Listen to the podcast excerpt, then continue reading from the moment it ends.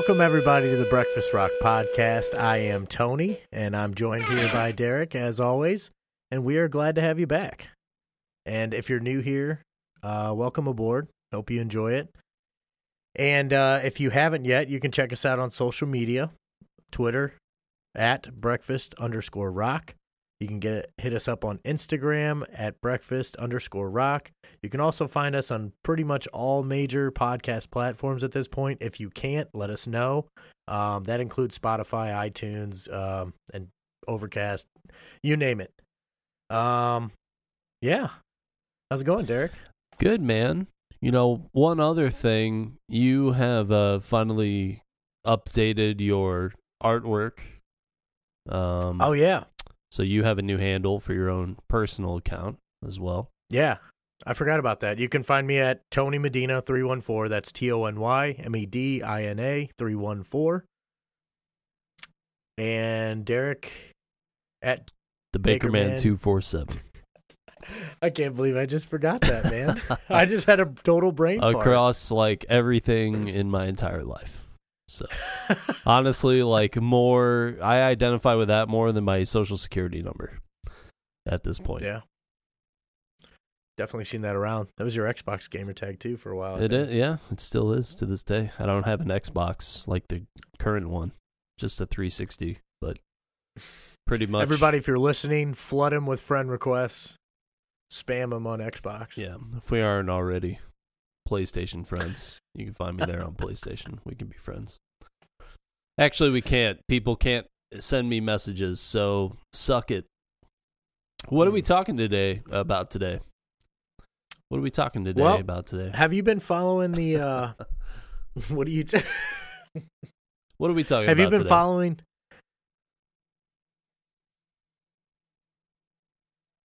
What are we talking about today?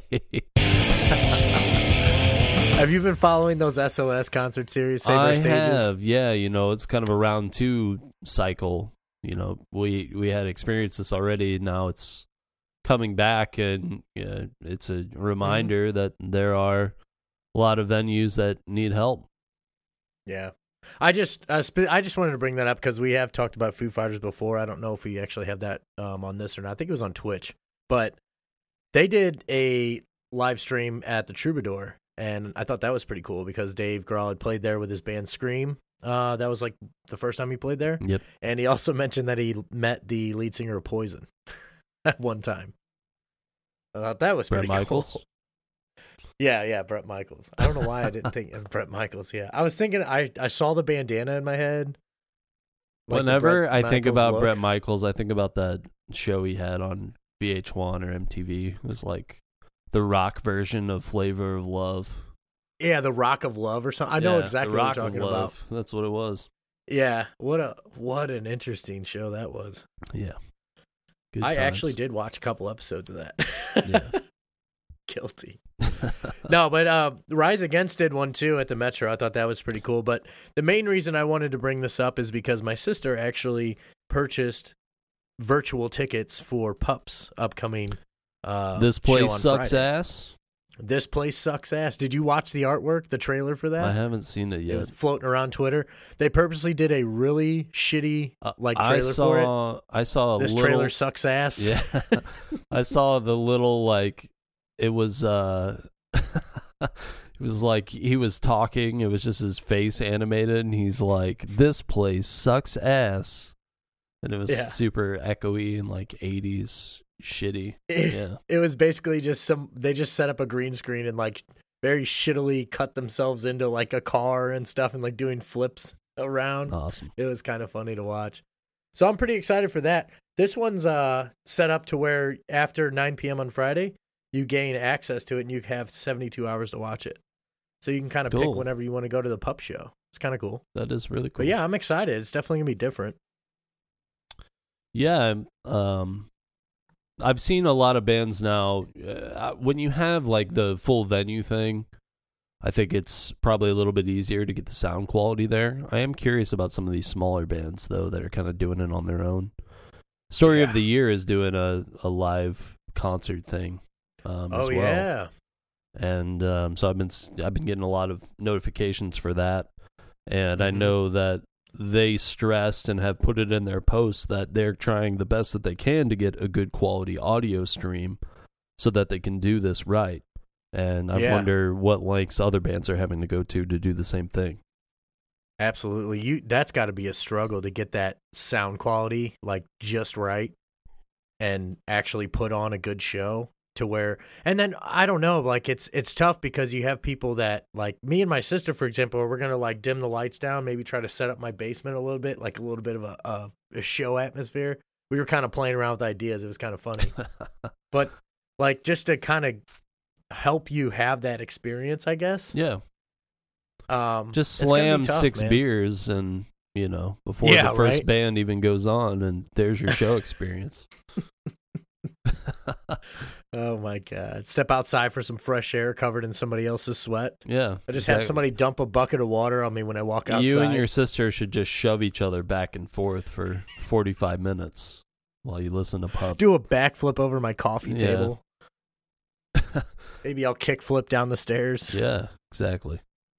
Jump off your furniture, jump off your couch. Sounds fun. Yeah. Yeah, what what's cool about the story of the year stream too is that um if you're a Patreon of their podcast, you get exclusive access where you can hang out with the band backstage as they get ready for these performances. Oh, interesting. and ask them questions and stuff. I'm guessing it's just like a Twitch live stream. There's probably a video on all four of them. They're mic'd up.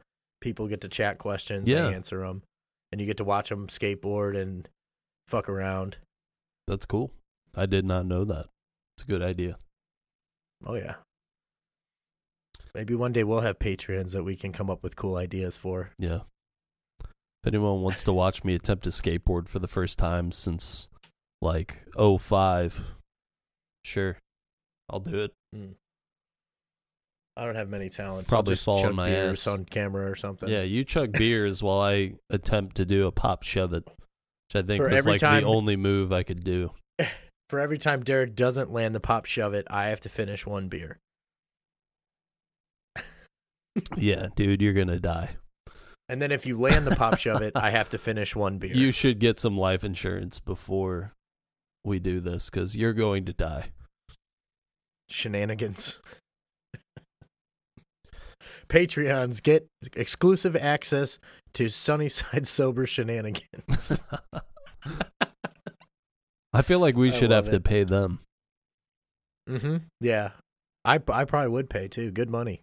Good money to myself. I would pay to watch myself pop shove it. Right. oh man. Well, let's. I mean, let's just get right into the uh the main reason we're here tonight. Uh, we're gonna do a tribute to Eddie Van Halen, I guess, and then review Van Halen's first album, Van Halen One. really really sad news definitely like unexpected there's been Yeah. a lot of unfortunate untimely deaths um related to covid Mm-hmm. one of my favorite bands fountains of wayne famous for stacy's mom really really really early on in the covid pandemic uh their bassist actually died from covid and he had written a lot of their their popular songs That's um crazy. Eddie Van Halen died of cancer, which he had had in multiple areas over a number of years. He first Mhm. tested uh, positive for cancer in the early 2000s, and it was Yeah. like mouth and throat cancer. And I think that what finally got him was lung cancer, actually. So, um, not Yeah. related to COVID, as far as uh, everyone knows but still really really sad i um i'm excited to talk about this podcast today we were reminiscing a little bit just about what van halen what the music meant to us like as far as getting into rock and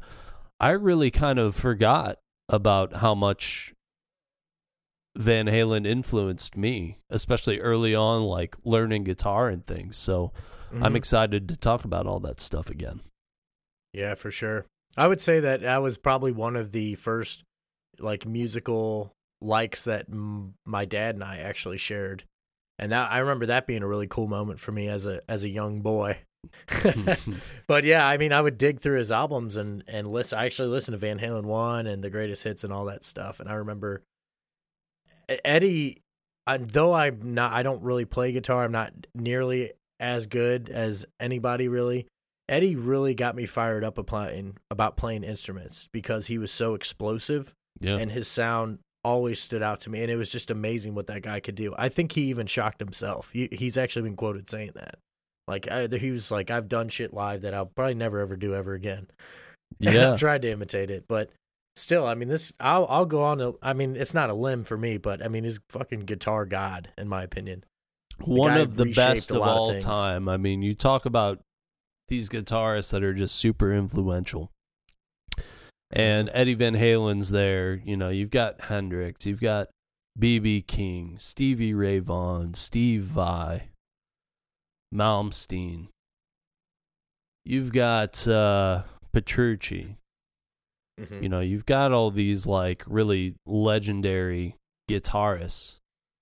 Um Van Halen, I, like that's that's always been a debate. It's it's the same thing as like who's the goat football player, who's the best baseball player of all time. You know, you Tom can Brady. have those Pete Rose. arguments. You can have those arguments all day long. No one will ever win them. It's the same thing in the guitar world. You know, Van Halen did what he did. He learned from the people that he learned from before him. Um, yeah, think, Jimmy Page uh, was a huge influence on him, you know, and Yeah. we'll talk about that a little bit, but you know, For it's it's uh it's Well, I really mean, like can- he sorry, go ahead. I was gonna say we can go into a little bit about Eddie right now. I mean, this is more I. Well, just like his main influence, he's always said that Clapton was his main influence, but like his Clapton, too. tapping, How could I forget yeah, his- Clapton? His, tapping technique, he really credits Jimmy Page because uh, Jimmy Page, he kind of viewed himself as kind of the same guitarist as him, like like kind of reckless, like pushing those boundaries. right. But he's always said his main influence was Clapton, and I pulled that from the web, obviously. But I, it's just amazing that you know you got somebody like Eddie who's like, who does Eddie look up to? That's what blows my mind. Right. well, you know, all these guys like I think it'd be very rare to find a guitar player who was just like, yeah, like I am the one. Like Right. they never consider themselves to be the one. Maybe Clapton does. I don't know. I think he's kind of an arrogant dude, right? But um Fair to say, yeah. I was Gonna, Yeah. I'm I'm thinking about all the Clapton tunes and the interviews and stuff. Yeah, Yeah. Clapton, like yeah, that's he- fair. He's kind of like that. But uh, you know, when you listen to this, so w- when I went through this album again, you hear a lot of blues influence through Yeah. this. You hear a lot of the Clapton influence. That makes a lot of sense to me, actually. This is he is a very. I mean, don't get me wrong. I think that when you think of shredders, you think a lot of like metal tunes and things like that. Uh, you don't think a lot about blues music. Eddie Van Halen Mhm. I 100% hear blues riffs in all of his songs.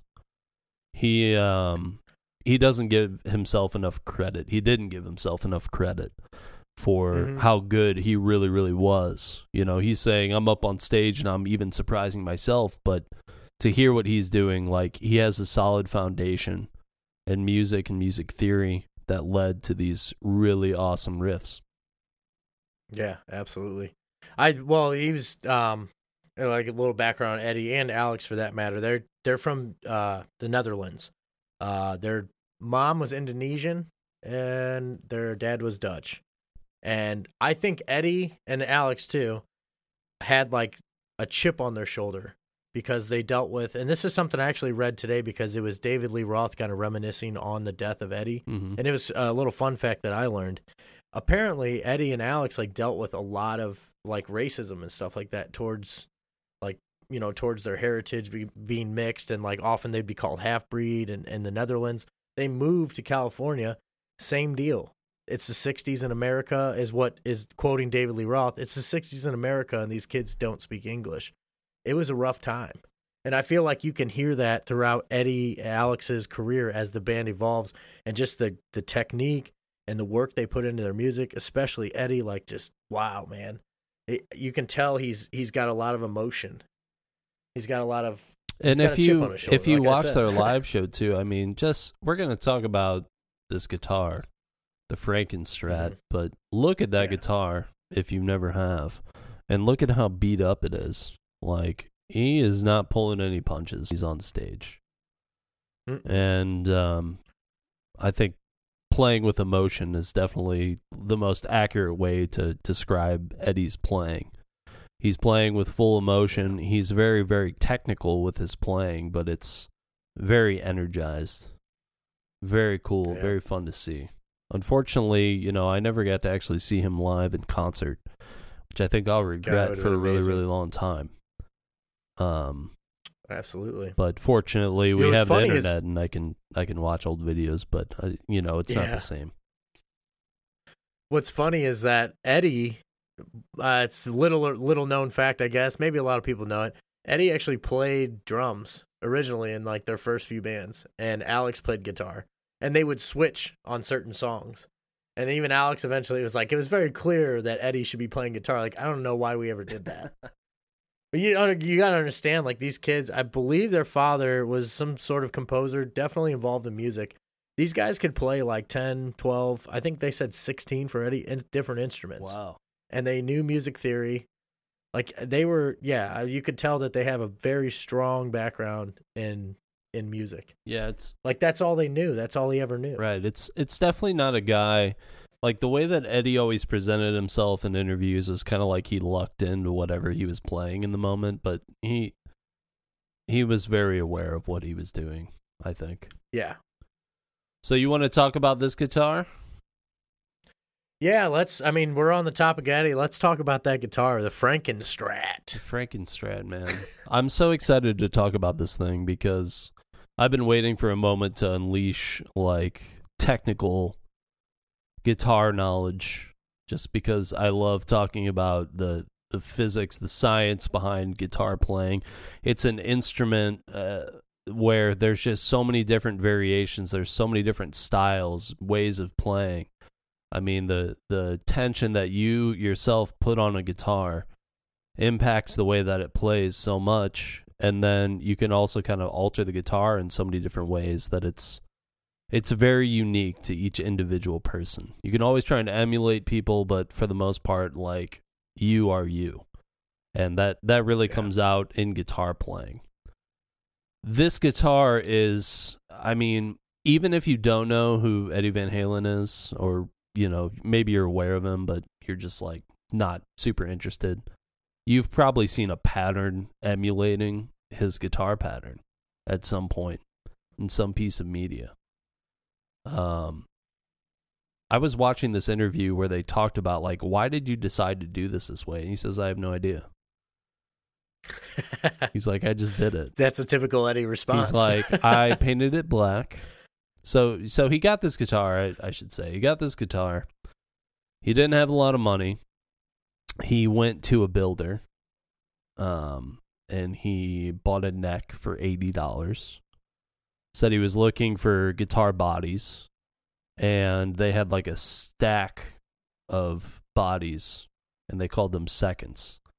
And he was like, "Oh, okay. So this is, you know, this is where the this is the next line that goes in to get painted or whatever." And they're like, "Well, no, the wood's just not good. Like it has knots in it and stuff." He's like, "Well, dude, I don't care about a knot. Like, sell me one of those." So he buys one of these knotted bodies for 50 Mhm. bucks. Now he's got, you know, the the core wood parts of the guitar for like $130 or whatever. You see people do this a lot now, but like back then, that wasn't a thing. Like people Oh, build guitars all the time now. Right, you couldn't just go on YouTube and like troubleshoot your way through shit. It was kind of just like you gotta full, you gotta understand the instrument if you're gonna build it, you Right. know? So And you got to walk down to the local music shop and talk to the guy who knows what he's talking about, and then go home, and then go back, and then go home. you can, you know, you can go, you can do whatever you want. You can experiment with all kinds of things, but people just weren't doing that the same way. I mean, people did experiment with things, and that's how they got really unique sounds. And you know, Eddie is obviously one of those people. But um, you know, to just go and basically buy like a shit guitar just because I, I don't know if his intention was to throw it around. he always makes it sound like I bought this guitar because there wasn't anything out there that I felt like did what I wanted it to do. And mm-hmm. because he didn't have enough money to really buy like an expensive guitar.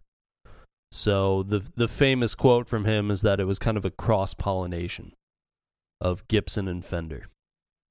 Yeah. He's trying to make like a Gibson warmth guitar. He has a humbucker um, in the bridge position. If you look at the guitar, humbuckers um, just, I mean, they're in the Les Paul guitars. I don't want to get overly technical on why they sound the way that they sound, but basically, like most of the infamous, really, really rock music that you hear was probably done on a humbucker. So, like ACDC, he used a Gibson SG, and hmm that's a really harsh sound. He was using humbuckers. Les Paul's, um, Led Zeppelin, you know, they really Oh yeah. very infamously use Les Pauls in the humbucker. So Eddie Van Halen had a humbucker pickup in this guitar that he just kind of threw together. What I find really, really interesting about the Frankenstrat is like he he tried to do shit just to like throw people off. I don't understand. He I I don't think he wanted to be commercialized. He tried really really hard to not be commercialized. So he started hooking right, fake shit up to the guitar. So if you look at the guitar, he has a pickup like by the neck and it's not hooked up to anything. And then it has like a center hole, which is standard for Strat bodies. And he doesn't have any pickup in there at all. It's just wiring, like loose wiring and stuff. Um it's weird, man. It's bizarre. You look at this thing, it's like the ugliest guitar I've ever seen. It's honestly the ugliest thing I've ever seen in my life. but it sounds like that. It sounds it great. sounds like yeah right that's what's oh my god that's what i i actually caught part of an interview where eddie compared his guitar to like race cars. He was like you have stock cars and you have people that make parts for those cars and you have this person's cards. And he, he was like my guitar is like the best parts from from all different guitars and i put them into one is the way he described it. He called it a form like compared it to like formula one. Like i have a formula one guitar. And you know it's it's all upgrade it's all really good parts with different manufacturers and stuff all come together and create the frankenstrat And most people would probably describe like their uh, you know, guitar modding is so popular now, probably because of Uh-huh. Eddie Van Halen. But um, people will take all kinds of different things. So when when he originally did this guitar, he took the bridge piece, which is the piece on the body that's like mostly metallic, and you run the strings through it. He took that bridge piece off of a 50s Strat and put it on this guitar. Now imagine defiling a 50s Strat today. You'd be crucified for that. yeah i was gonna say wow But that's what he did in the 80s or maybe late 70s. And when he actually recorded this first album, you know, he didn't have uh, that bridge that's on there. What's unique about it is you basically stick this piece of metal in there and it's called a whammy bar.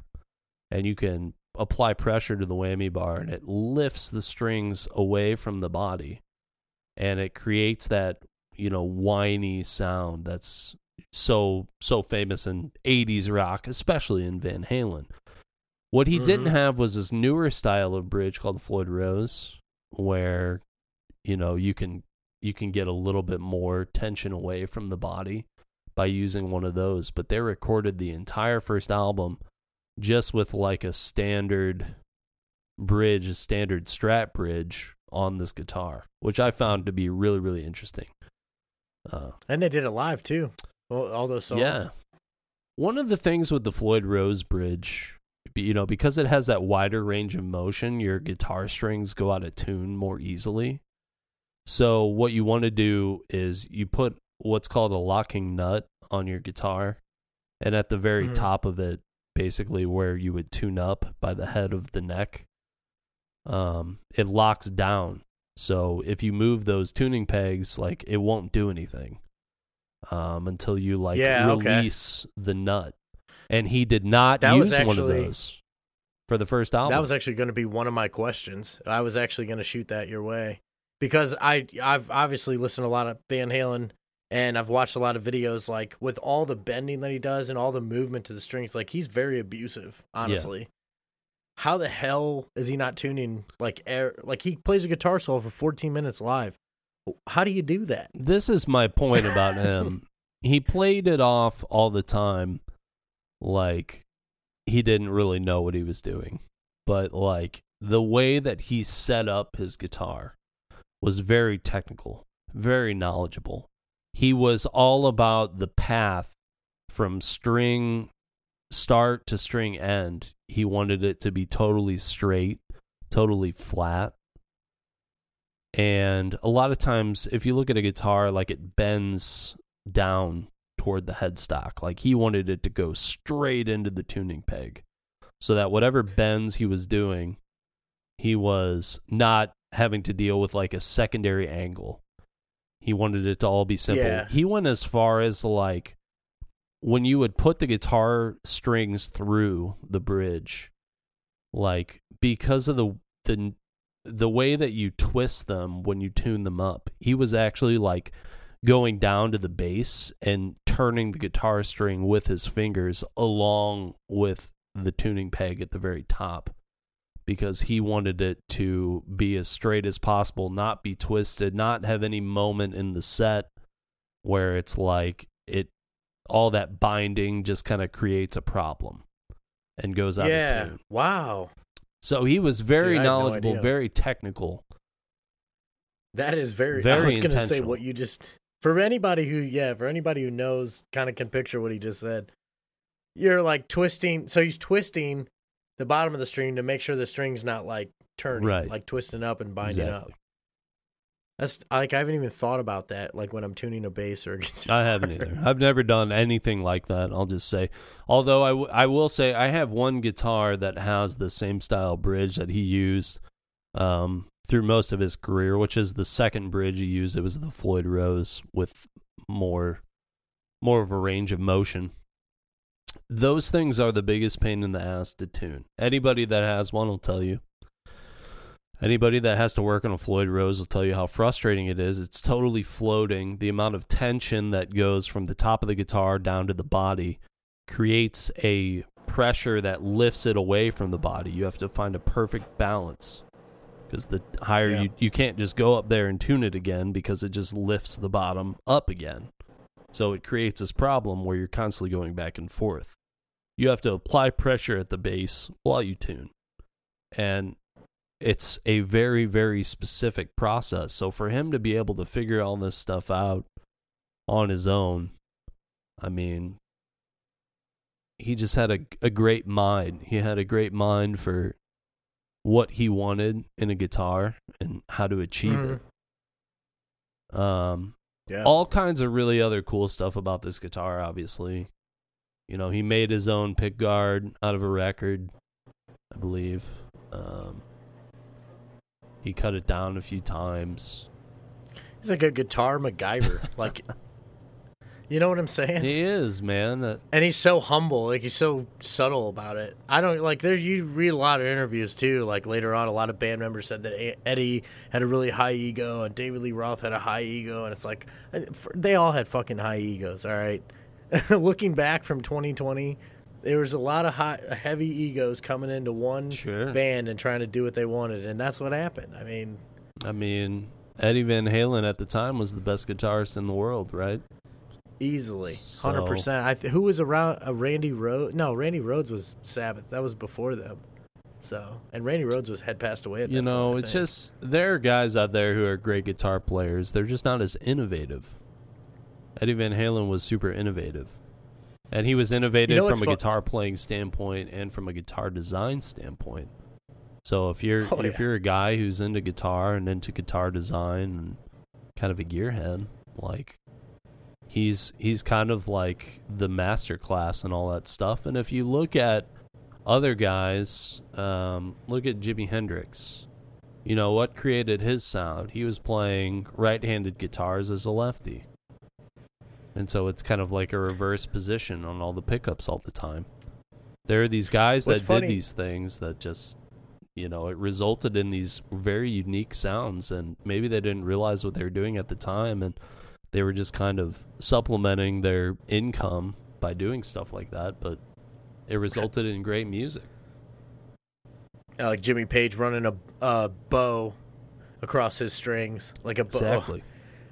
Or uh, uh, talking about Eddie Van Halen in the song Pound Cake. I don't know if this is actually true or not, but I've seen videos of him taking the drill, like a drill, you know, the part that spins, a drill Yeah. head, like pressing that on the That's strings. exactly what he did. It's That's nuts. exactly what he did. You know, those What's those funny is pickups that- right there, they're just tiny Mhm. microphones. So if I were to talk into my guitar, like you could record that. Oh yeah, there's people that have yelled in their pickups before for a sound in a song.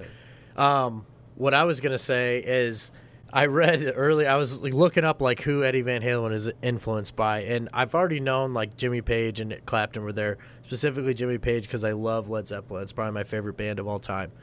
But what was cool to me is I came across uh, something on the internet that said that Eddie Van Halen, when asked about Jimi Hendrix, was perplexed. Like even Jimi Hendrix was shocking the Eddie Van Halen, in my opinion. Like he was just like, yeah, I mean that's psychedelic, or that's just like wow. Hendrix did so many like he Hendrix. Uh, I don't want to get too off topic. Hendrix did great stuff with the tools that he had. What Hendrix kind of Mhm. invented was effects. Like we have all these pedals now in, in guitar playing, but Hendrix didn't really have those options. So he used to like mess around with his amps and his guitars to try and get trippy sounds. Now we have digital effects that supplement us for that. We don't have to go into an amplifier and like backwire some kind of nonsense and maybe Right. risk electrocution to get a sound. You know, but that's what Jimmy was doing. Jimmy was playing the guitar with his teeth, and Setting it on Jimmy fire was and playing the shit. star, and he's playing the Star Spangled Banner, like a very acid remix of it. yeah. So I mean, Jimmy, this guitar, man. This guitar to me it just it represents a lot about modern guitar playing. Eddie Van Halen basically invented what's now referred to as the super strat. Where you get a strat and you put a Floyd Rose bridge on it you put the humbuckers on it. It's that marriage between Gibson and Fender. Super Strats are really, really popular now. Jackson's is that a holy? Jacksons are or Super Strats. union? Ibanez guitars are Super Strats. You know, like there have been other influence. Steve Vai, you know, Steve Vai kind of he invented that. He he asked them to put the like the finger shaped holes underneath the bridge so he can basically go onto the body of the guitar and lift it up with his fingers. And so instead of having that metal bar that stuck out, you applied pressure to to create that whiny sound. Like he would stick his hand down there and lift it up with his with his hand. You know, there have been guys that have come and and influenced the super strat models. Um, but Ed, Eddie know- Van you know- Halen's idea of the Strat and Gibson marriage is uh, really really cool when you go back and look at it. David Lee Roth actually, after one of the breakups, I think it was the first breakup or second breakup of Van Halen, actually formed a band with Steve Vai and somebody else that was basically Van Halen except David Lee Roth's version. I do have one question about that guitar. I don't. I'm not sure if you can answer it or not, but I have you. You've seen his solos, right? Or you've seen one or Oh yeah, sure. so, was there anything specific that he did to the bottom of the guitar? Um, as in, like, I know you've seen in his solos where he reaches underneath the body, and there's, if for people who don't know, there's some springs underneath the guitar, hmm and like he'll he'll like pluck one of them or like strike one of them, and he like holds the guitar like this almost. I, I don't understand what he's doing there. Like, did did he do anything back there differently, or is that just him he experimenting? He, so there's like a piece in the body of the guitar, basically how that bridge is held down, the tension. is because there's springs in the back and you can add more springs or less springs. You know, a lot of people who want to have this guitar, but they don't want any kind of floating bridge because of the tuning issues, they will add more springs or they will put something basically inside of the guitar. People put like a roll of nickels or something like that in there to um, create like a a firm space. But it you can absolutely affect the guitar by going back there. And so what he was doing is just Okay. going back there and basically messing with the tension to create a unique sound. And That's you know, that's that's just what he liked to do. Just weird shit. He had all kinds of reflectors on the back of the guitar so he could lift it up and you know the the lasers would like hit the reflectors on the back and shoot it into the crowd as like a prism. You know, he had these hooks rather than, you know, straps and strap locks so that he could be as crazy as he wanted to on stage. Basically your strap was tied into the guitar unless the you know, unless Yeah. the holes failed or something like that. One thing, you know, it's not guitar related, it's more Eddie related. I mean, tapping. yeah. Eddie Van Halen uh, popularized tapping. He he didn't invent it. He he wasn't the first guy to do it. We were talking about Jimmy Page earlier. You know, Jimmy did that stuff. Yeah. I was researching that a little bit. There's, you know, instrumentalists that played other stringed instruments that were doing that as early as the 19th century is, you know, documented. But um Yeah. Eddie sure. Van Halen's version of tapping is uh very unique. Very cool. One of my, you know, more admired guitarists currently is Dylan Mattheisen. Mattheisen. Um from Tiny Mhm. Moving Parts. You know, he- Yeah. He's like he's like a a brilliant tapping guitarist. You know, a really young dude, probably very similar in age to us. But he does not exist without Eddie Van Halen. Or maybe like October Sky. I feel like with Eddie Van Halen, you see a lot of his classical side come out with tapping too, because that's what it kind of reminds me of when he does the tapping. It's kind of like this Mozarty, like classical. I don't know what you would call that right now. I'm lo- I'm at a loss for words. I'm thinking about the eruption solo. He's um arpeggios. well, yeah. But know. basically the way that he viewed his right hand is an extension of his left hand. So normally you'd be strumming with your right hand, but he was like, "Why can I not just also hit these notes, you know, with amplification, with distortion, with effects all coming into play like you don't have to be super powerful um tapping with your right hand to get a very solid sound out of the guitar." You know, that wasn't Yeah. always the case. If you pick up an acoustic guitar and try and do a bunch of tapping, it's probably going to sound a little bit weird. But with distortion and stuff, it sounds really cool.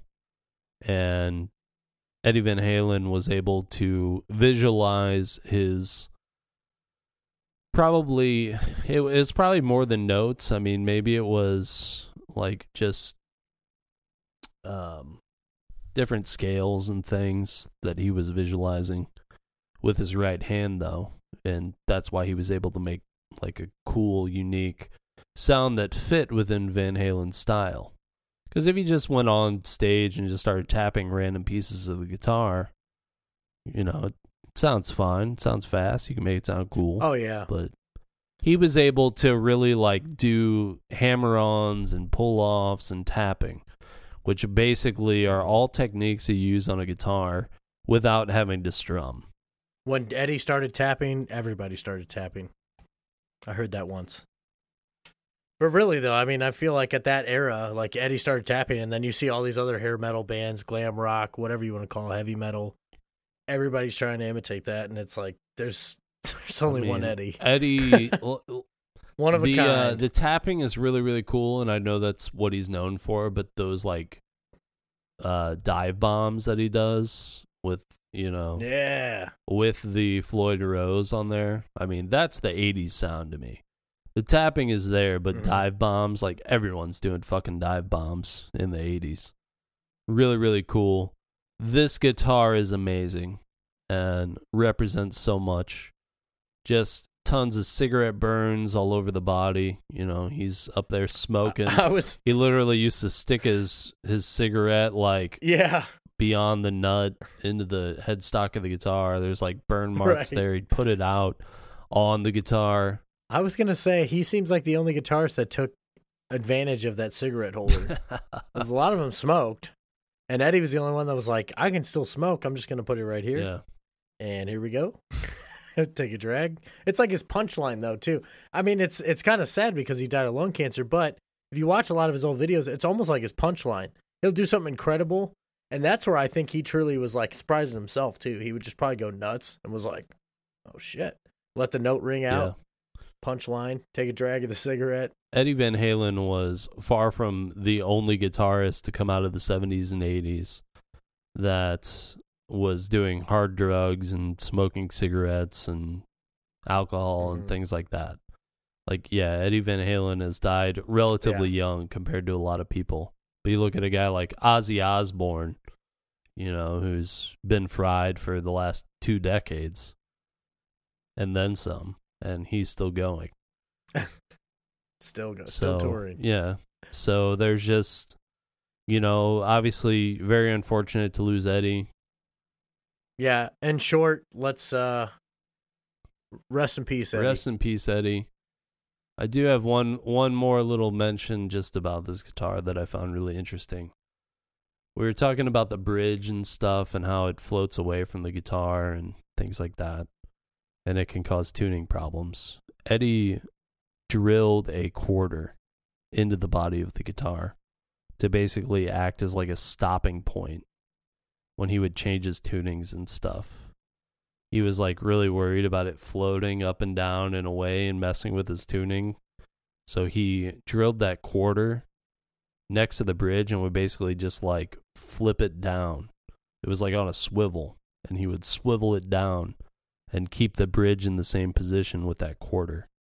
It's one of the coolest things I've ever, you know, what a, a genius tactic. Yeah. Um, eventually, he was able to get away from that. He said, but very, very smart, very smart guitar design.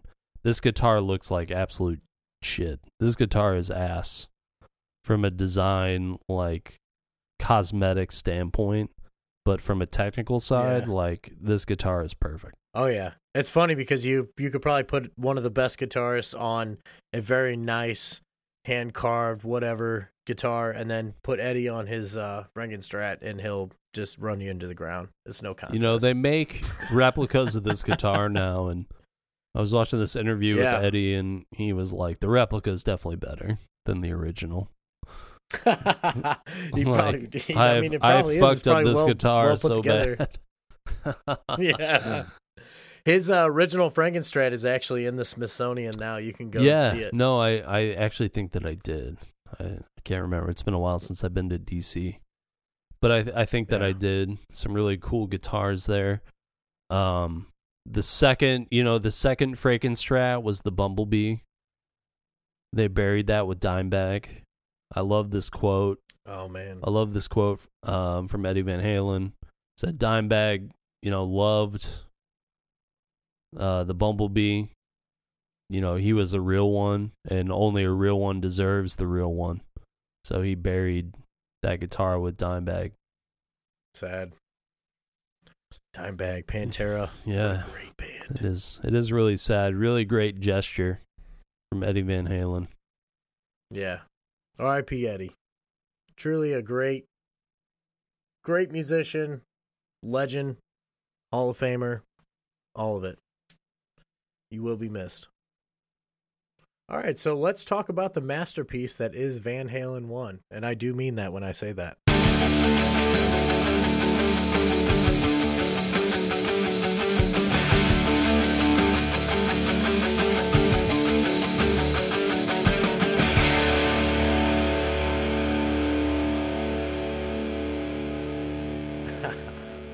I'll give a little bit of background on the band here, though. So basically, I've already talked about it earlier, but Alex and Eddie are from the Netherlands, moved to California, Pasadena, California. Uh, I don't know the years on that, but basically, Van Halen started out as um, Mammoth, which was, I guess, their band in California. Alex and Eddie and Michael were playing venues. I believe Eddie was singing at the time, and they bounced around from the local club scene in LA. Keep in mind, at the time, a lot of people that were playing clubs were just doing covers, like original music. Not a lot of people let you play that. So eventually, they ran into David Lee Roth, um, the famous lead singer of Van Halen. In my opinion, I mean, Sammy was good too, but they run into him, and uh, from what I've read, he he basically takes the band to an entrepreneur level. Like, look, let's branch out from these clubs. Let's promote the hell out of ourselves. Let's sneak some originals into our sets. Eventually, they're playing a bunch of different venues. They happen to play a venue. Gene Simmons from Kiss happens to be there, and boom. I mean, that's that's basically where it starts, from what I gather. Super cool. Kiss yeah. is um Kiss is a really cool band. Obviously, like as far as the commercialization, think about uh-huh. David Lee Roth saying like, "Okay, yeah, we need to like commercialize." Yeah. Kiss is like the ultimate sellout band maybe ever. Mm-hmm. But it's all really really cool memorabilia. Think yeah. about Kiss and you think about all the masks and things for Halloween. Think about the makeup, think about the the cards, the pinball machines, the mm-hmm. Basically just anything, the lunch boxes, all that kind of shit. Yeah, it's all collectibles uh, still. So, you know, obviously Van Halen never quite went as far as Kiss did, but to have like-minded people get into a room together, that's really cool. Yeah, for sure. It was funny because Eddie and Alex like never they didn't break out like they were fine with playing these packed clubs, like doing covers, occasionally sneaking originals in. It was David. I mean, I'll go out on a limb here. From what I've read, my research, David Lee Roth was the reason why they became so commercialized.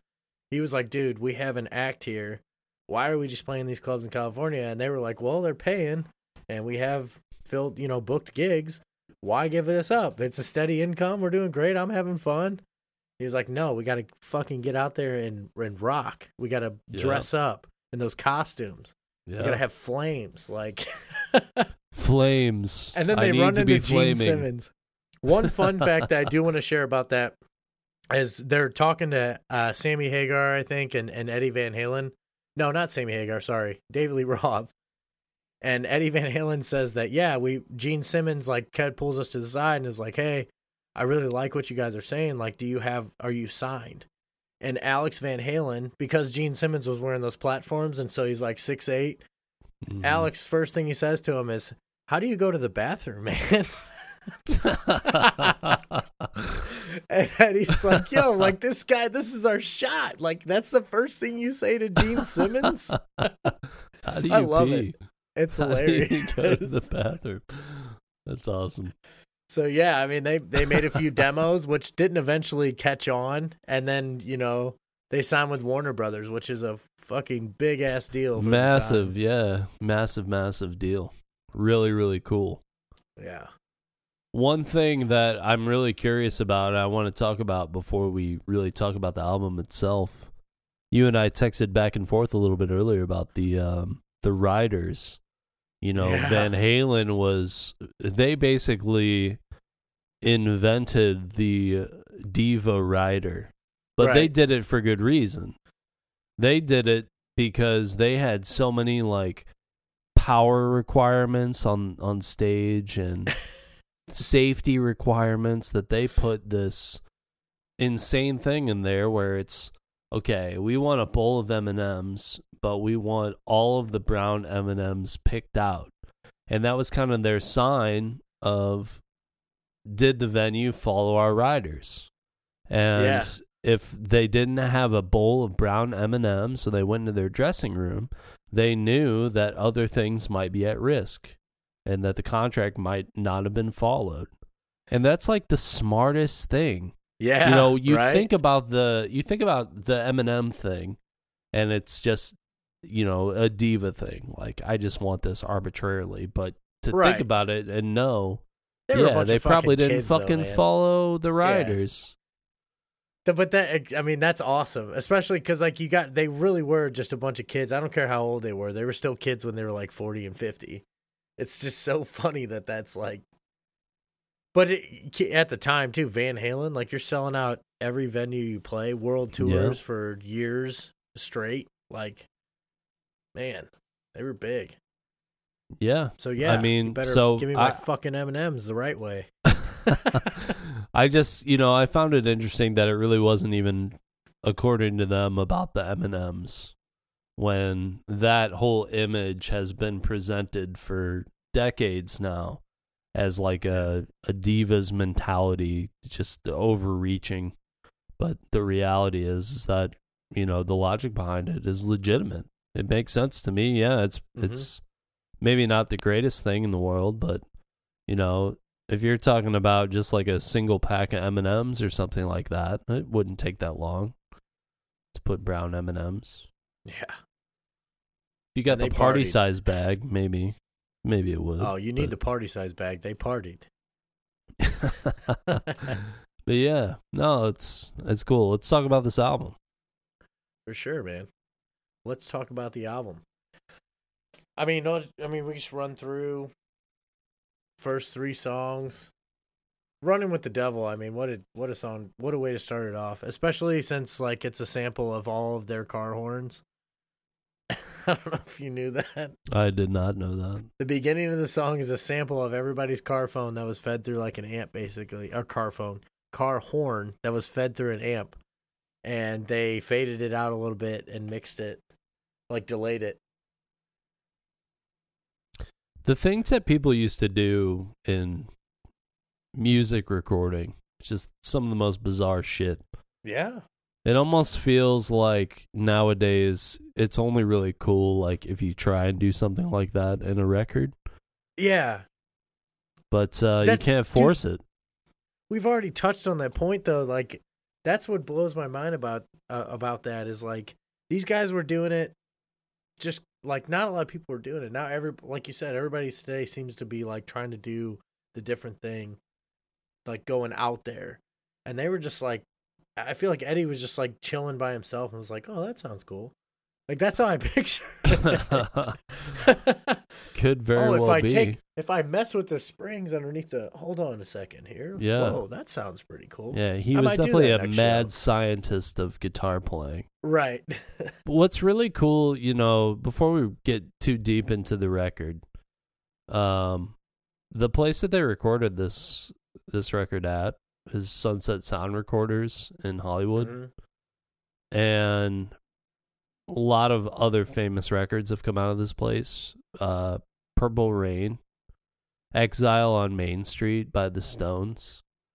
Beach Ooh. Boys recorded there, Guns N' Roses recorded there, Janis Joplin, Pearl, um, Elton John, Led Zeppelin. The Doors recorded their first two albums at this studio. So yeah. Love some Jim Morrison. Yeah, just a lot of history in this recording studio.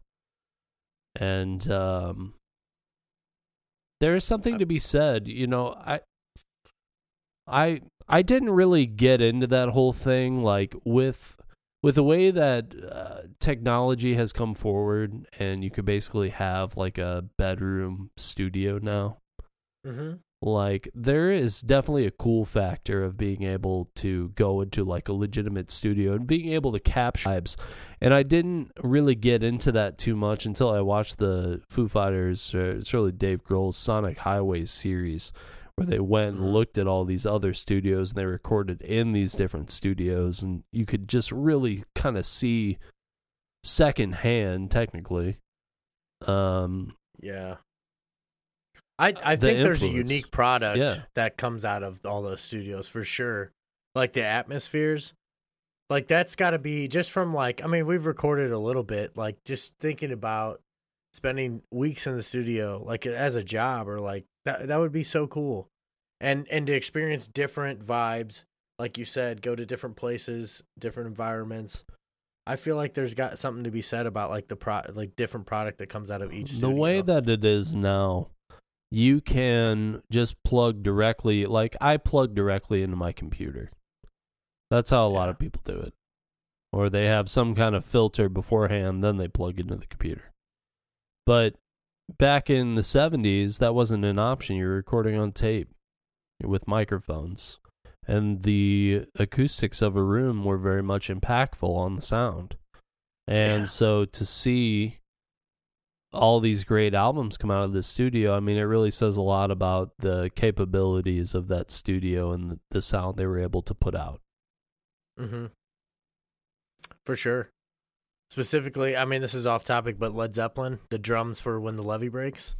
John Bonham did that in like Jimmy Page's like foyer, where it was like two flights of stairs going up, hmm and the ceiling was so deep that they just dropped a mic like from the top, and that like echoey drums. Yeah, that's where it comes from. yeah, All on tape. What was that 60s, 70s? That's nuts. yeah. You really had to be, like you said earlier, you really had to be like a mad scientist to be a producer back in the day. You had to be I almost super feel like creative. that's a requirement. you had to Yeah. be willing to take Like a lot of risks. Uh, t- Tim Templeman, um, sorry, I may not have got that name right, but for Van Halen, like Running with the Devil, the horns, that's all their horns recorded, delayed, faded. Ted Ted Templeman. Who? Ted Templeman yeah, produced. Ted Templeman. Yeah, he produced this record. Yeah. Uh, which is just like, wh- where does that idea come from? Was that a joke or was he really like, was he letting that cook before he went into the studio with them? Hey, you know what? I got a great idea. Let's get all of our car horns recorded through this amp. I think I'm not. not knocking the guy. It's just like, No. I'm curious as to how that happened. There's all kinds of stuff. People do weird stuff like that today, but it, it feels a little bit more forced to me than I think that it probably was back then. Because back then it was so like based on the environment. Like for instance, um, the Lumineers did a show on Tiny Moving Par- or on uh, the Tiny Desk concert. Uh-huh. Lumineers did that, and they talked about how they basically rec- went outside and like recorded crickets outside of their studio at night, and they took two microphones so that they could get two different sounds on the left and the Yeah. right, and get a stereo sound of crickets and rain. And you know, there's people like doing things like that all the time, but that probably isn't something they had to do. Like if they really wanted to find like a pre-recorded cricket sound, they could do that. You know, it's about making those decisions where you decide um, that you want something I, unique to you and that experience. yeah. And um, definitely bands from the 60s, 70s, 80s did a lot of that stuff, and it's cool. Let's talk about the record. Yeah. Well, we've kind of already covered Running with the Devil, unless you got more to say. I on don't. Um, I But will say I, I I was- love that song. It's probably the song that gets stuck in my head most from Van Halen, it's a catchy song. "Running with the Devil." hmm I think for that, for me, that would be Jamie's crying. Ooh, that is a good one. "Running with the Devil." It just like the drums are so big and powerful. I Oh yeah, Alex Alex Van Halen was no. I mean, he's that's Eddie's brother, so same blood. Probably comes from the same background, obviously, and I would say that he's uh, he was pretty good with the drums. It's just a basic. they- it's such a basic drum beat, and then the guitar comes Yeah. in and really lets everything resonate. A lot of Mm-hmm. Eddie's playing is so fast and active, and then running with the devil as a riff really just is a few different single chords, and Mhm. it stands out to me just as being like a really like a high energy song without having to have insane guitar shredding the whole time. Yeah. So- I would say the the group melodies and and David Lee Roth, just like him. I I wouldn't necessarily say he's singing this song, but just like his wails, his screams. He he he does the Dave David Lee Roth like signature sound, you know. Yeah. what a great tune. And then they followed up with a guitar solo, Eruption, which is explosive.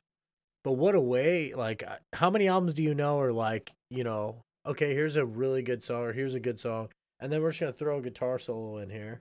Right? Then we're gonna move yeah. on, like, They're like, we want to showcase Eddie. Pretty much. I mean, that's all it was. Yeah. And Eruption became Eddie's calling card. Pretty much.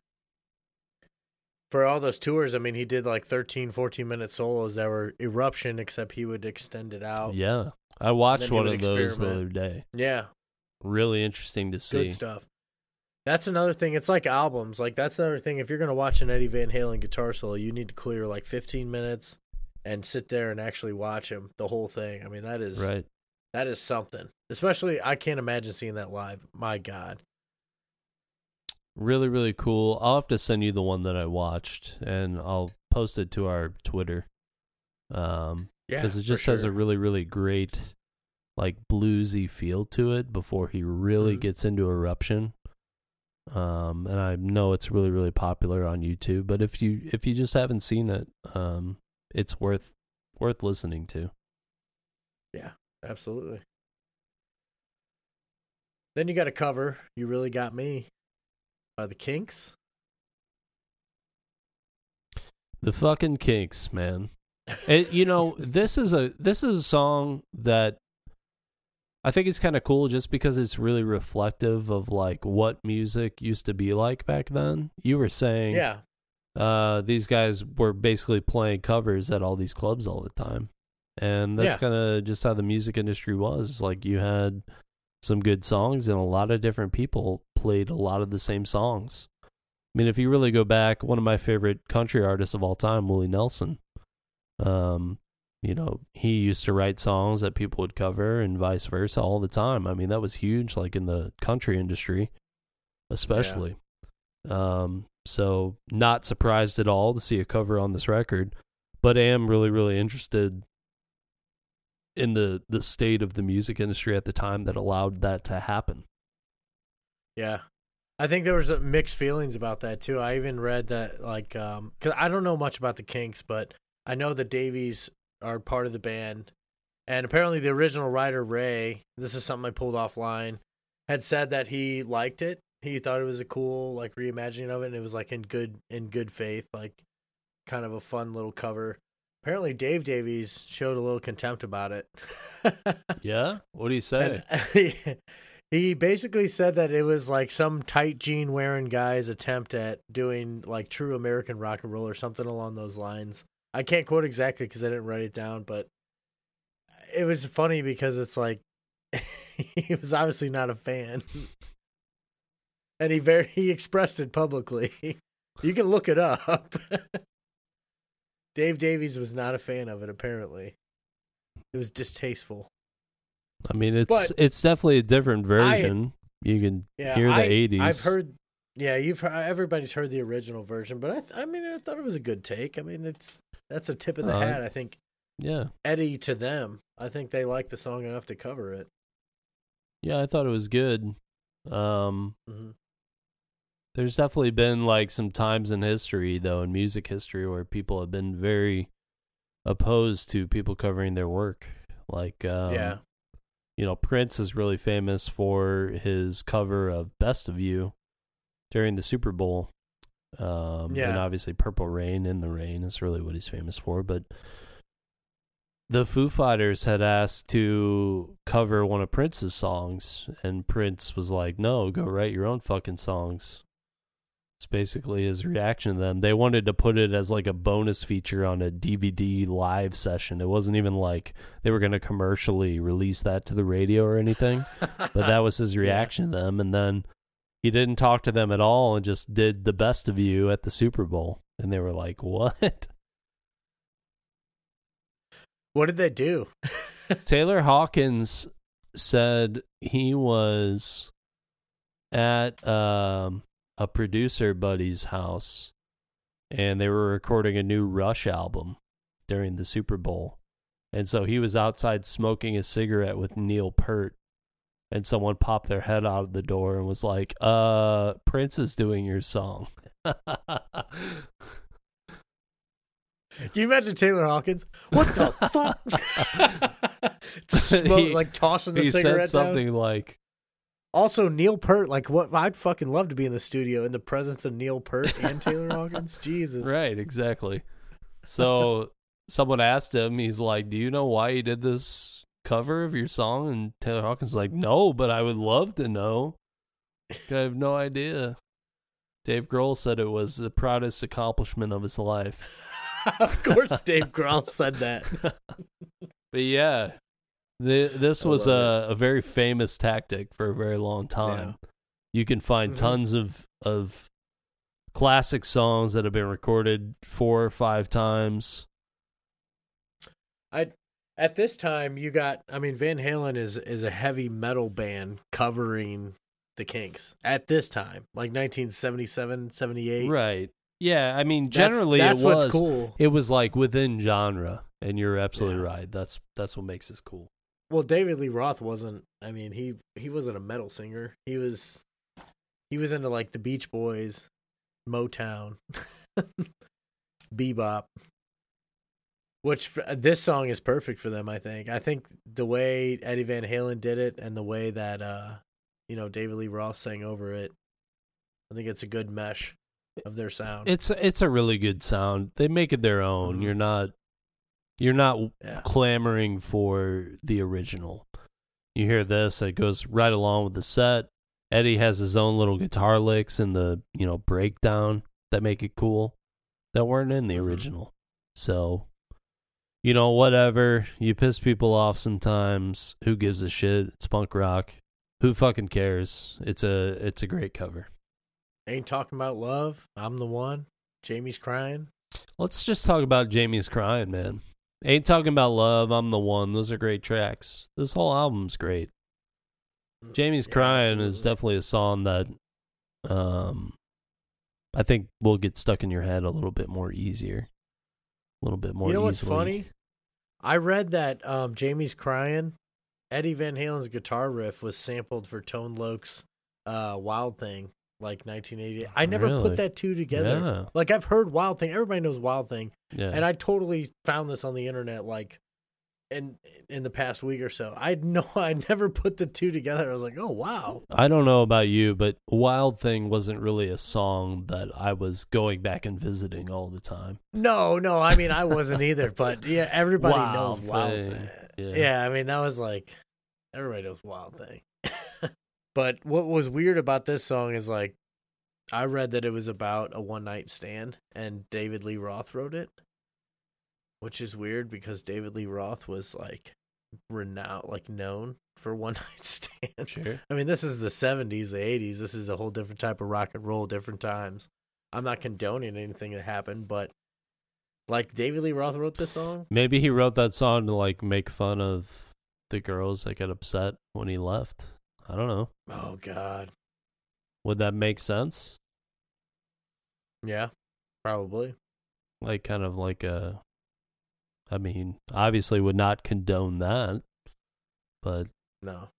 if that's what the song's Just about, kind of an interesting song is all. It's catchy though. I mean, everybody knows Jamie's Crying by Van Halen. And if you don't, if you hear the melody, you're probably gonna be like, "Oh, I've probably heard this somewhere." if you haven't heard it, I mean, there's a lot of influence like I feel like that same rhythm for Jamie's crying Mhm. really similar to like Man in the Box. You know, just that heavy like I'm just hitting that like open stringed heavy chord. Mm-hmm.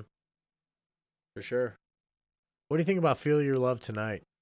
That's probably one of the. You said this was one of the most underrated songs on the track, and I totally agree with that. This is probably my favorite song from when I was nine until like twelve years old. I'm dead serious. I feel like Feel Your Love Tonight is pretty consistent with the rest of the album. What I really like about most of this album and uh, basically all the Van Halen stuff is that he's not just he's doing a lot of like riffs and stuff within the music.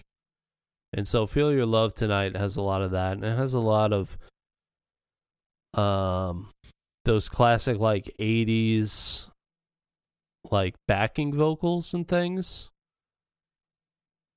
but Feel Your Love Tonight, like when they do a lot of those backing vocals, it almost sounds like they're singing two different songs sometimes. Like David Lee Roth sounds a little bit off compared to everybody else. yeah.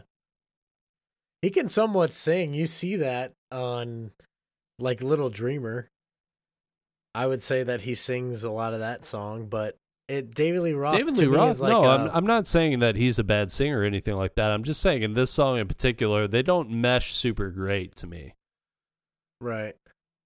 Okay, I was just building off of the like idea. Like for me, Ra- David Lee Roth is like a Robert Plant. Like he's a screamer. He can sing, but like it's not with their style. He's not really singing a lot. And I would say like one of the few songs, like a lot of people would probably agree, Little Dreamer is like a slower down, softer, and you hear David Lee Roth actually singing the notes, and it's like, oh yeah, he can sing too. Feel Your Love Tonight has like a really, really cool breakdown, probably. It's not really a breakdown. It's when they start to like really do the chorus. I think that's where Mhm. it hits. That's where that song starts to become catchy. But everything beforehand, it is like a classic Van Halen thing, but it's not like interesting Yeah. enough for me to be like really excited about, I guess. They're really big on their gang vocals too. Their their gang melodies that they have, like that's Yeah. what they're net renowned for. Well, and you know, 80s bands in general did that, yeah. and it was cool. For uh, for me, like to get in a perspective of how I'm viewing this, like for me, Van Halen is probably top. Like Motley Crue's up there, obviously, Mm. and then Van Halen. I mean, those two in my Aerosmith. okay, yeah, I would argue with my dad about Aerosmith all the time. It's funny that you say that. I- what side are you? good. What side are you on? Because Aerosmith is I think- is tops for me. Aerosmith is definitely up there. I know we're They're- doing okay, a Van Halen episode right now. but- Top three in no order: Van Halen, Motley Crue, Aerosmith. I would totally agree on that. I don't. I can't put one of them first because I like all three of them. Nah. Loving an elevator. I mean, in in your defense, Aerosmith was like a '70s slash '90s band, but uh, right? it's like they just I mean, they just They like really totally were. disappeared for a decade while hair metal took over. That's so accurate. Yeah, But yeah, feel your love tonight. Good track. One more that I wanted to talk about. Honestly, I like Ice Cream Man. What do you think about that song? Little yeah. catchy tune. Uh, David Lee theirs, it's a Roth cover, played but- guitar on this. Yeah, and most of the time it was like an interlude. I guess the rest of the band would break and he would just play acoustic. It's John originally John Brim, by the way. Blues But artist, I think that this uh, song is like a really good indication of the blues influence on Van Halen. You know, it just kind of goes back to what we were talking about before. Yeah, I think that 80s rock is kind of viewed like as this shredding metal situation all the time. And a lot of these like 70s, 80s guys Yeah. were influenced by blues music. And it's it's cool to hear. Um, metal is its own thing. Metal kind of took off, you know, from like a different sublet in the 70s, 80s. But synonymous with shredding. yeah, for sure. And so you think about Eddie Van Halen as like the shredder. I think the tendency would be to associate him with metal guitar, but he is a blues player through and through. Through and through. I've saw so much heavy metal. Like, you don't know how like how many articles, interviews, heavy metal guitarist, heavy metal, heavy metal, heavy metal. Yeah, I mean, you think about like heavy guitar playing and you automatically assume it's this metal influenced, you know, crazy thing. You, you think about Ozzy Osbourne, Black Sabbath. yeah, You know. Uh fucking uh they got a little Black Sabbath on this album. Atomic Punk. That's kind of Black Sabbathy, in my opinion. fucking Iron Maiden. You know, like Coheed and Cambria. If you've ever really listened to Coheed stuff and listened to an Iron Maiden album, it's the same band. Coheed and Cambria ripped off Iron Maiden so Mhm. hard.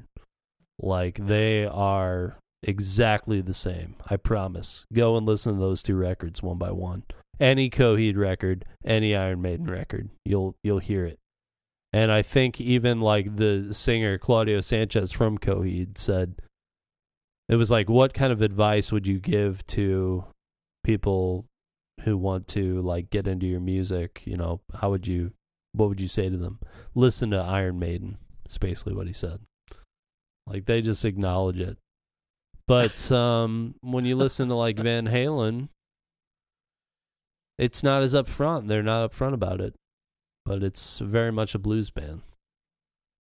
For sure. And they're Van Halen too. They're not they clearly have a clear cut sound. I mean, he I, I don't Oh, want to say revolutionized. It it cannot be overstated what Eddie Van Halen did to guitar playing. The Super Strat as a concept created an entire brand of I mean there's a subsection there's there's individual brands who focus entirely on creating guitars like Eddie Van Halen's. You really cannot overstate what Eddie Van Halen did for the guitar community. And it's it's really really really fun to go back and just be a little bit older now and have spent I've spent almost two decades playing guitar now. And to be able to take the knowledge that I've gained and go back and listen to these again, you know, with a, a fresh perspective, really, I guess, as a more knowledgeable player, because I, I don't go back and listen to 80s music all the time. Um, but when I started playing and was trying to learn a lot of that stuff from the 70s and the 80s. Like it was just so far out of my league. Now that I'm a little bit better, I can kind of diagnose everything. Um love this record, love what they decided to do. For them to do songs like You Really Got Me and Ice Cream Man, I feel like are clear indications of their influences, which is cool. so out of all of these hits, I'm to call them hits. We got to pick two favorites. This is my favorite part of the album review is picking our two favorites because we're trying to build this playlist.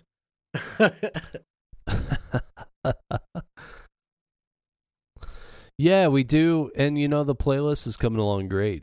And we don't have that many subscriptions to that playlist right now. Um, if you're on Spotify, you can follow our official podcast playlist at the Breakfast Rock Podcast. It used to just be called Breakfast Rock, so I I did change it to make it a little bit easier. Um, but right now, you know, it's got all our favorites from every single album review that we've done. So if you're looking for a way to kind of get into the music that we're talking about, just listen to this playlist. Eventually, this playlist is going to be long enough and it's going to be really good. I mean, right now it's pretty long. Yeah, yeah, for sure. It's got um oh man. From I don't think Spotify really tells me officially what we've got, but this is episode 7. I think we've done Oh, well, we're all over the place in terms of what we picked. 17 songs. Four songs, three songs, two songs, just depends. Is it 17 now? 17 songs, 58 minutes. So that's an hour Yeah. Yeah. of breakfast So rock podcast. that's a solid favorites. playlist. Yeah, it's it's definitely come a long way from the two that we put on there the Oh, first yeah. time. So You want me to there's go- a lot of cool stuff there. The Breakfast Rock Podcast. That is the playlist name on Spotify. So if you look up our pod, you should find both things. You want me? What's your favorite off this album? Okay, that's what I was gonna ask you. Um, I let me let me start with this. When I was first listening, this is like the reason I started listening to rock and roll is because basically I was like one day wanted to dive into my dad's music collection because he was a big fan of like 80s 70s metal hairband whatever. And this is the first album i put in i kid you not.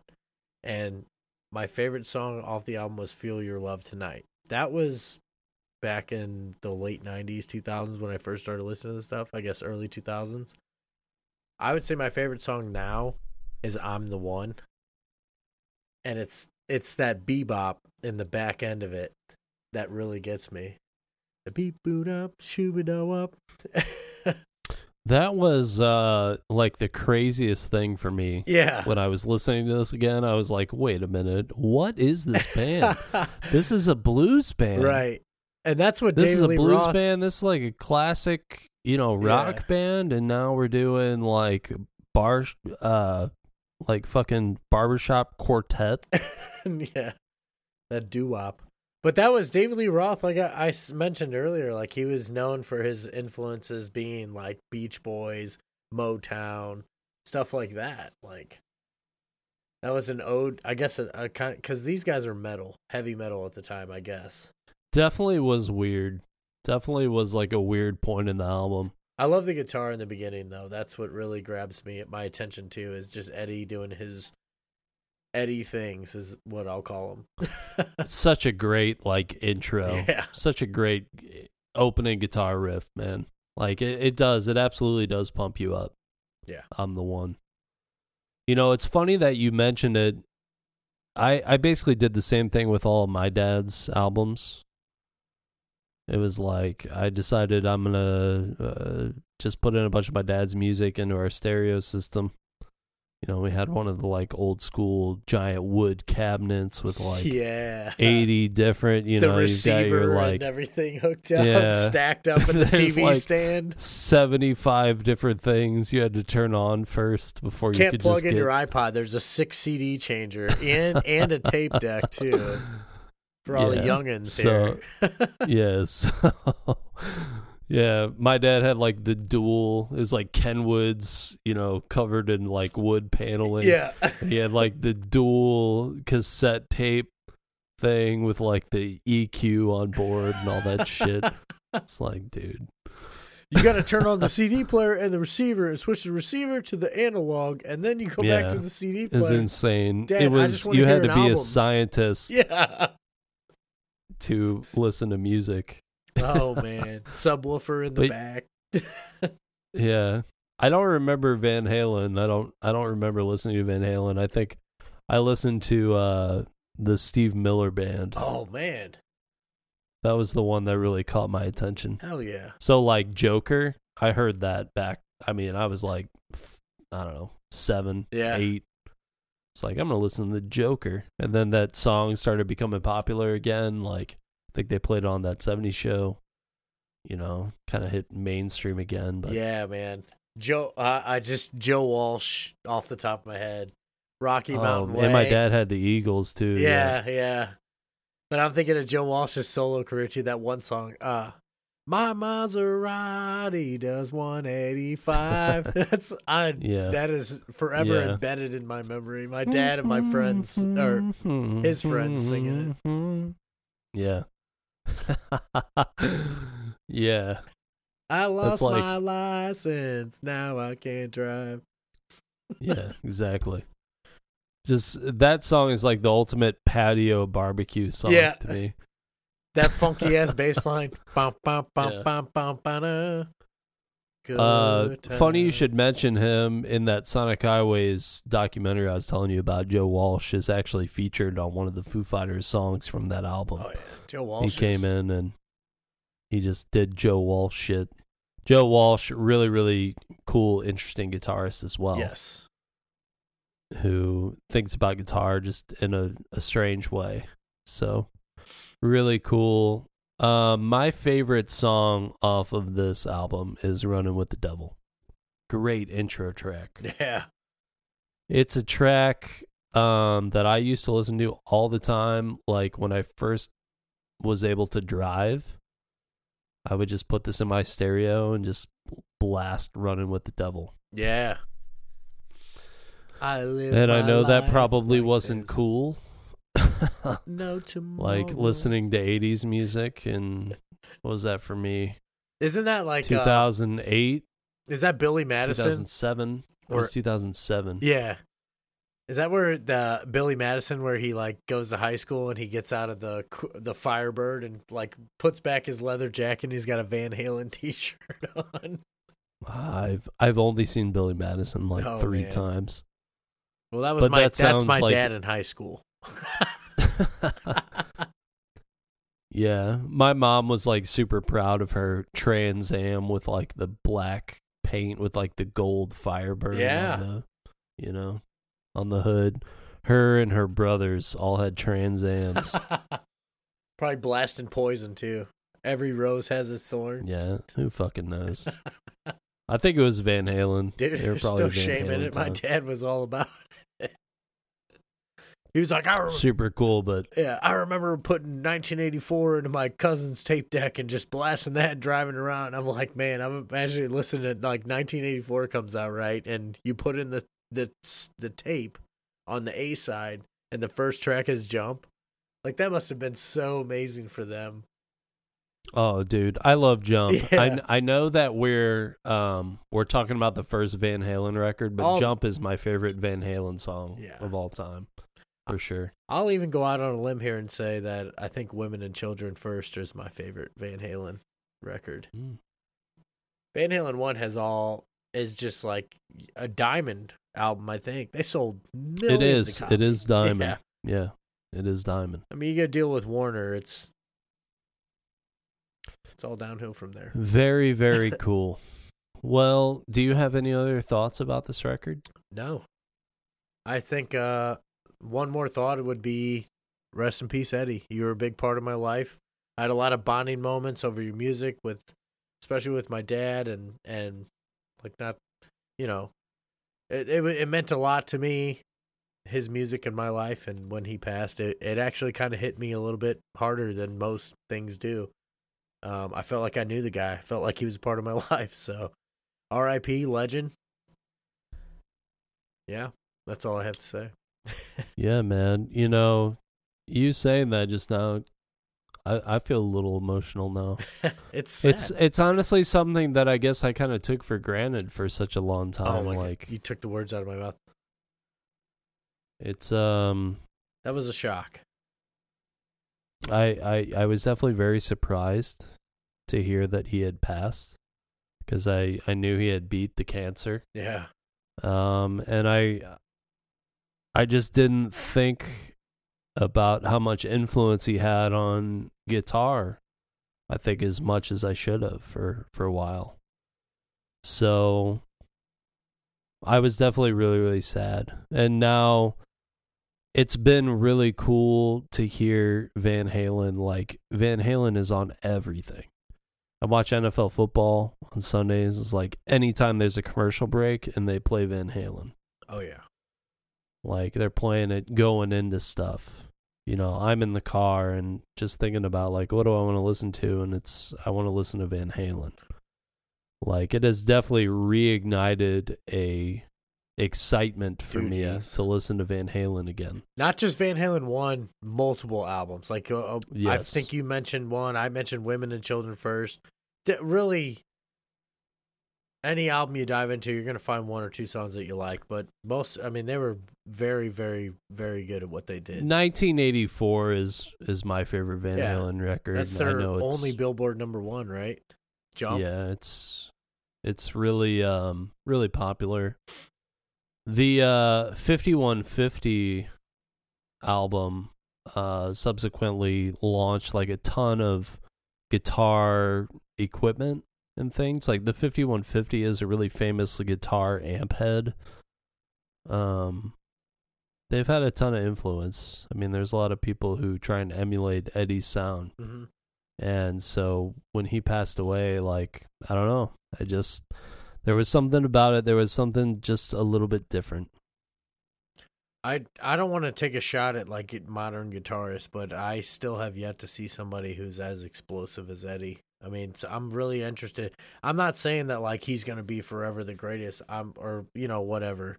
What I'm saying is like I'm excited to see like he set the bar super high. I'm excited to see that next that next guy. You know, and I think that he opened up a lot of doors that you know are probably going to lead to some really great music in the future. I think Eddie was like the first real, like, hobbyist luthier. Whereas, like, guitar building just, you know, has become such a hobby for a lot of people. Yeah. And his influence extends beyond playing. It extends into guitar design, it extends into musicality. It extends into technique. I mean, he did so many different things for the guitar that it would be really, really hard for anybody else to stack up to that. Because now that Eddie did it, people were more willing to experiment with guitar design. People were more willing to try different techniques. I've seen dudes like playing guitars on, uh, playing songs on guitars with broken necks and using it as like an extra bend. yeah.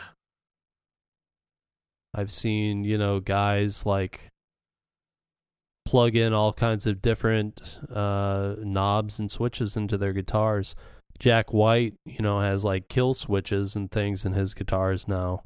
He has like different bridges where he can like alter the tuning in just a flip of a switch. Yeah. You know, it's Eddie Van Halen being willing to experiment with those kind of sounds and guitar designs, I think really was a step forward for rock music and for guitar playing. For sure. Absolutely. Funny you mentioned Jack White. We need to cover one of his albums. He had that microphone Absolutely, built man. into his guitar that he could yell into. We'll have to look talk about this later, but yeah. Yeah, he's a real one. But with that, I think yeah, I think we're good here covering Van Halen. R.I.P. Eddie. Um, yeah, thanks for joining us, and again, give us a follow at Twitter and Instagram at breakfast underscore rock. You can check us out on most podcast platforms at the Breakfast Rock Podcast. Check me out on Twitter, DM me, whatever you want to do. Follow me, tell me a funny joke, send me a funny meme. I don't care. At Tony Medina three one four T O N Y M E D I N A three one four, and Derek. At the Bakerman two four seven. All right, you got anything else for him? Nope. It's been fun, man. Right on. Really, really cool. Really love talking about Eddie Van Halen. Yeah, I Rest in enjoyed it. peace. I actually learned a lot too. So thanks for joining us. See you next time.